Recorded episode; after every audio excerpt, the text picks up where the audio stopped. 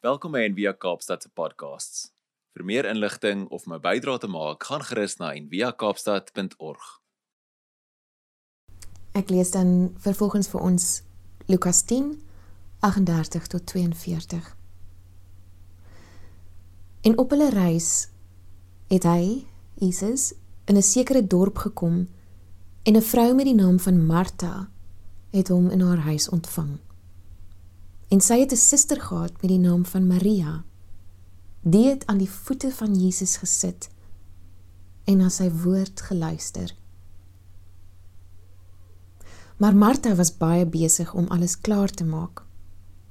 Sy kom toe daar staan en sê: "Here, gee U nie om dat my suster my alleen laat bedien nie. Sê dan vir haar dat sy my moet help." Maar Jesus antwoord en sê vir haar: "Martha, Martha, Jy is besorg en verontrus oor baie dinge. Maar een ding is nodig. En Maria het die goeie deel uitgekies wat van haar nie weggeneem sal word nie. Jy is besorg en verontrus oor baie dinge. Maar een ding is nodig en Maria het die goeie deel uitgekies wat van haar nie weggeneem sal word nie. Kom ons bid saam julle. Dankie Here dat ons hier kan saamkom en dankie dat ons weer kan luister na wat U ons na toe uitnooi om uh, dat ons ons name kan hoor. Maak ons harte oop en ons breine oop en ons siele oop om U woord te hoor en ons name te hoor. Ons loof U naam. Amen. So ons is in Lukas 10. Uh die baie baie baie bekende verhaal van uh Martha en Maria. Uh kort stukkie. En um, wat vir my baie interessant is van hierdie verhaal en dit is so bekend, dis een van daai verhale in die Bybel wat ons verskriklik goed ken. En uh ons sal baie keer ek weet ek en my ma's baie keer spot en sê weet Jesus sê Martha Martha. Jesus ja, jy weet jy's in die moeilikheid as Jesus jou naam twee keer sê. Maar dit daar gelaat, ons wil 'n bietjie later praat oor die name, maar hierdie ehm um, is 'n bietjie konteks van hierdie teks. So ons vind Jesus in die huis van Martha en Maria saam met sy disippels of eh, dalk self saam met al 72 van sy volgelinge. Dit sê nie, dit sê dit hulle daar aangekom. So hulle kan baie mense wees. So Martha is natuurlik besig in die kombuis en sy doen wat haar kultuur van haar verwag. So 'n gasvryheid was baie baie baie hoog hoog hoog hoog aangeskryf um, in die eerste eeu en in in die mediterrane wêreld. So nog steeds vandag toe. So die gas is amper meer belangrik as jou eie familie. As jy die verhaal van Lot kyk, dan gaan daai verhaal eintlik oor gasvryheid. So om gasvry te wees is verskriklik so belangrik. So Ehm um, so daar is belangrik om te verstaan dat Martha is besig met dit wat sy moet moet doen en wat haar kultuur van verwag. So hierdie verhaal, hierdie teks val ook tussen die ehm um, die verhaal van die goeie Samaritaan. So ook een van die mees bekendste verhale in die Bybel. En die verhaal net na dit is die vertelling waar Jesus se disippels vir hom vra leer ons asseblief bid. So hierdie is 'n belangrike leidraad vir die teks. Hierdie twee goeies aan die kant. Dit is altyd altyd belangrik en interessant om te kyk veral in die evangelies ook hoe dit gestruktureer is, waar het die skrywer gekies om hierdie storie te vertel. En hierdie wat tussen die goeie Samaritane is en tussen die verhaal van bid, verhaal van dien, verhaal van bid. Dit is belangrik en dit is 'n belangrike leidraad vir die teks. So Martha, as ons skryf vir Martha en ons vind daar in Martha doen. So Martha is dis hy doen wat nodig is in daai oomblik. Sy sorg vir Jesus en vir sy disippels. En uh maar sy lyk in die teks, letterlik as jy dit lees, dan voel dit of sy so 'n paniekaanval gaan kry. Sy is heeltemal oorweldig met die verwagtinge dat sy moet sorg vir Jesus en sy hele gevolg. En sy doen hierdie snaakse ding. Sy ehm um, ek weet nie veel in so 'n situasie was nie, maar iemand met jou praat en ek deur iemand anders. Wat jy sou sê, Dit sê vir sy moet dit doen, maar dan staan sy reg daar en hulle sê Martha doen dit met met Maria in hierdie in hierdie teks sê vir Jesus. Jesus, sê vir haar as hy die regte ding moet doen, weet jy daai ding. Nou ehm um, en Jesus spreek hulle aan en sê dan Martha Martha, uh jy is bekommerd en besorg oor baie dinge, maar Maria het die beste deel gekies en dit sal nie vir haar weggeneem word nie. Nou, voor ons voor ons Martha oordeel, want is geneig, ons is geneig in hierdie in hierdie teks om baie vinnig Martha te oordeel en te sê uh, sy is verkeerd, Maria is reg. Ehm um, maar dit is nie so eenvoudig nie. En sy Martha probeer haar bes om op die regte manier te reageer, om goed te reageer toe teenoor dit wat Jesus nou vir haar geplaas het om dit te antwoord. En ehm um, baie van ons kan assosieer met so 'n oomblik, reg? Waar en is hierdie hierdie hierdie stormagtige angs om dit wat jy voel voor jou lê, of dit wat jy sien voor jou lê, om dit te antwoord, dit wat die Here voor jou gesit het, jou roeping of jou taak of dit die plek waar jy nou is en jy sê maar ek moet hierdie ding doen, dis wat ek nou dis dink ek doen. Ehm um, ons baie kan ons kan assosieer met daai en ek dink dis baie belangrik in hierdie teks om te sê om Martha raak te sien en vir haar te sê en te sien dat sy sy probeer regtig die regte ding doen. Ehm um, sy is nie aspres kan of anders of of vir my iets of so nie. Sy sy voel hierdie is haar taak, dis is wat sy voor geroep word. So want sy maar omdat hulle in daai kultuur leef, reg? 'n Kultuur waar gasvryheid so hoog aangeskryf word. So nou as ons ook mooi oplet dan Jesus sê nie Martha is verkeerd nie. Hy sê sy is bekommerd en, en besorg, sy is angstig. Hy sê nie vir om te werk is verkeerd nie, om te doen is verkeerd nie. Hy hy sien haar en hy bevestig hoe sy voel, weet bekommerd, bekommerd en angstig. So Martha, Martha. Baie keer daai woorde, as ons dit lees, dan lees ons dit so met so of 'n 'n 'n intonasie of 'n tone wat uittrap wat sê Jesus sê Martha Martha. Weet Martha Martha kom nou ruk jouself reg weet. Maar eerder kan ons dit dalk lees met Jesus wat vol empatie is nie wat sê Martha Martha ek kan sien hoe bekommerd jy is en hoe erg dit vir jou is. En daai daai wat heel moontlik baie meer moontlik waar is so daar's 'n hele paar keer in die Bybel waar God aan ek roep en twee keer hulle naam gebruik en dit is my baie interessant.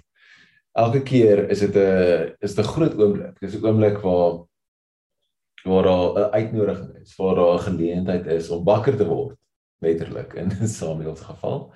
Ehm um, en om te stop en self op 'n manier gasvry te wees teenoor dit wat God wil doen, om God in te laat en in te nooi in jou lewe en dan te antwoord. Ons sien dit wanneer God Abraham roep, Abraham, Abraham. Jakob, Jakob, Genesis 46. Moses, Moses. Samuel, Samuel. Natuurlik kry ons Martha, Martha, skryf Paul, Paul, Saul, Saul eintlik nie. En uh, Simon, Simon. Al die verskillende plekke waar God mense roep met deernis en hulle nooi na iets anders toe. Waar God gasvry is teenoor daai mense. So ek het jare en jare terug het ek hierdie ehm um, teoloog raakgelope vrou en dit sê hierdie amper die radikale verklaring gemaak, statement gemaak wat sê hospitality is salvation. So as jy dink net daai reël hospitality is salvation, gasvryheid is redding. As jy wil weet hoe redding lyk, like, redding lyk like, soos gasvryheid. En ek dink dis hoekom ek en Rialet so obsessief is oor lang tafels en om 'n huis vol mense te hê. God nooi ons na die tafel in sy huis. Hy nooi ons in in sy familie in. En dit is wat redding is. Gasvryheid is redding. En ons kan hierdie metafoor hele en verder vat ook en sê is ons gasvryheid teenoor God in ons huis, in ons binneste nooi ons God in na ons toe. Reg? En geloof gaan nie daaroor om soos alles reg te doen nie en nie noodwendig perfekte gasheer te wees nie fisies soos Martha probeer nie maar om maar om oop te wees vir 'n verhouding op daardie manier gasvry te wees. Gasvryheid is meer is meer as 'n uitnodiging na binne die huis toe, maar is 'n uitnodiging na binne binne jou siel toe. Dit is 'n 'n gewilligheid om te luister en verander te word aan deur daardie verhouding. En dit is wat Maria kies in daardie oomblik, reg? Maria is die een wat by Jesus se voete sit en leer. Hierdie en hierdie beeld is baie keer word dit gebruik in kontemplatiewe spiritualiteit as hierdie perfekte beeld van wat die kontemplatiewe lewe is. Ehm um, en maar ek dink ons kan bietjie verder gaan as dit. Dalk ons wil ons is so geneig om so graag 'n dualiteit te wil skep. Ons wil sê Martha is verkeerd en Maria is reg. Weet, ons hou daarvan om dit te doen en die mense hou daarvan om dit te doen in die hele wêreld. Ons wil altyd sê hierdie is reg, hierdie is verkeerd. Uh Rusland is reg, verkeerd. Oekraïne is reg. Of andersom.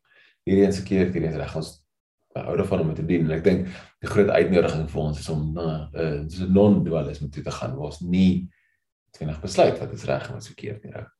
Maar in hierdie oomblik is Maria dalk reg. In hierdie oomblik is hy die beste deel gekies wat Jesus wat Jesus op bevestig. En ons is baie baie te vinnig om van Martha te oordeel. Soos ek gesê het, ons moet haar oppositie ook so verstaan. En ons moet ook begin verstaan dat die kontemplatiewe lewe is nie net een van sit nie, maar dit is ook van doen. En dis dalk hoekom hierdie verhaal so mooi tussen die goeie Samaritaan en die onsse Vader val. Um Rachel Evans het 'n stukkie geskryf. Sy sê if we censured Martha too harshly, she may abandon serving altogether. And if we commend Mary too profusely, she may sit there forever.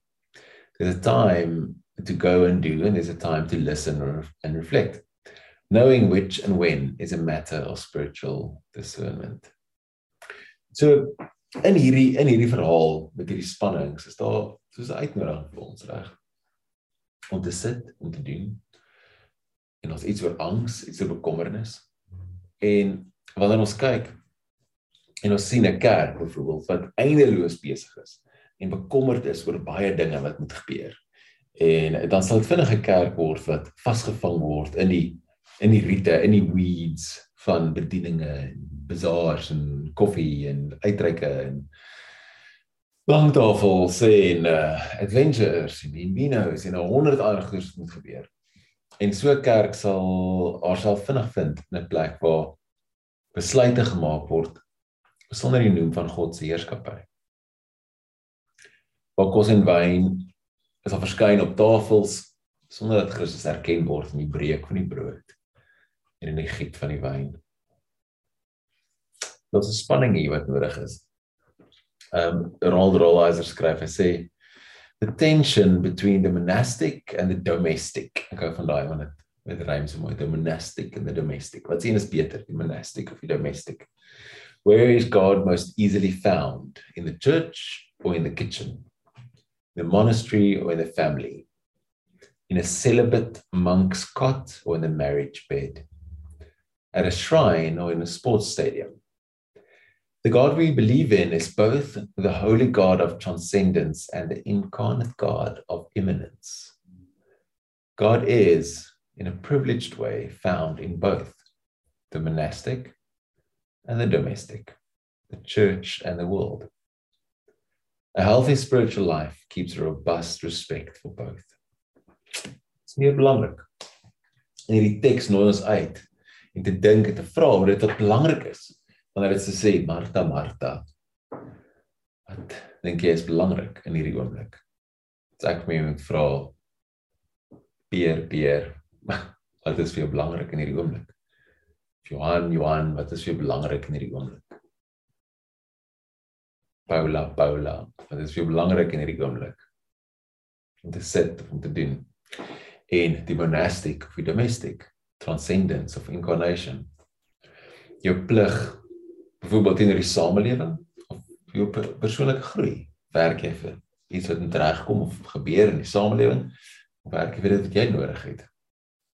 Is die mees belangrikste ding hierdie lewe nou of die lewe hierna is die mees belangrike ding jou intellek jou brein jou kop of jou hart Baie keer in kontemplatiewe lewe sal sê dis jou hart of sal sê dis jou brein. Wat is die belangrikste? Wat is belangriker, die community, die gemeenskap of die individu? Beide. In elke geval, die antwoord in elkeen is beide. Dit is in en nie in die een hier partykeer hierdie een en dan partykeer daai nie. Dis in die harmonie tussen die twee. Die twee goed wat saam speel en saamwerk en een wat invloed het op die ander een. Daai spanning, dis waar die lewe lê. Die spanning tussen die twee. Die viool metafoor wat ek so daarvan hou om te gebruik is daai speel die snare. Die snare moet styf wees sodat jy kan speel. Daai daai idee. Dis mooi. Beide doen en sit is nodig. Maar dit gesê ons almal kan erken dat ons kultuur hier in die 21ste eeu in die weste is ons geneig tot doen en veel te veel te doen. In ons kultuur en selfs in ons spiritualiteit doen ons te veel en sit ons te min. Henry Nouwen het gesê dat ons lewens soos oorvol koffers is, tasse daar's altyd nog 'n ding om in te pak. Daar's altyd nog 'n boodskap om te stuur. Daar's altyd nog 'n dingetjie om gou-gou by Checkers te gaan koop.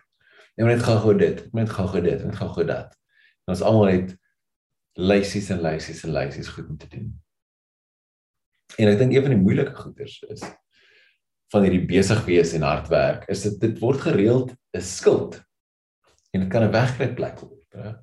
Ek is te besig vir vriende, vir my kinders, vir my vrou, vir Jesus. Ek's besig. Besig met werk. Met moenie my kom pla. Jy moenie my kom pla nie, ons is besig met die met die werk van die Here hier, reg?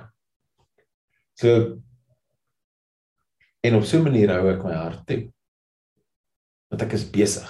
'n Goeie rede, weet ek werk hard want ek is besig om te werk vir my gesin, dat hulle kan gaan swat en hulle kan gaan met ons huis het en 'n mediese fonds en petrol in die kar en dit wat baie werk om petrol in die kar te gooi en ek kan wegkruip agter my besigheid en besigheid en my besigheid. Dit is belangrik en dit is perfekte verskoning. Perfekte verskoning om eintlik ironies genoeg nie gasvry te wees nie. Nie gasvry te wees teenoor God in my nie. Om te sit te doen met vertroue ook.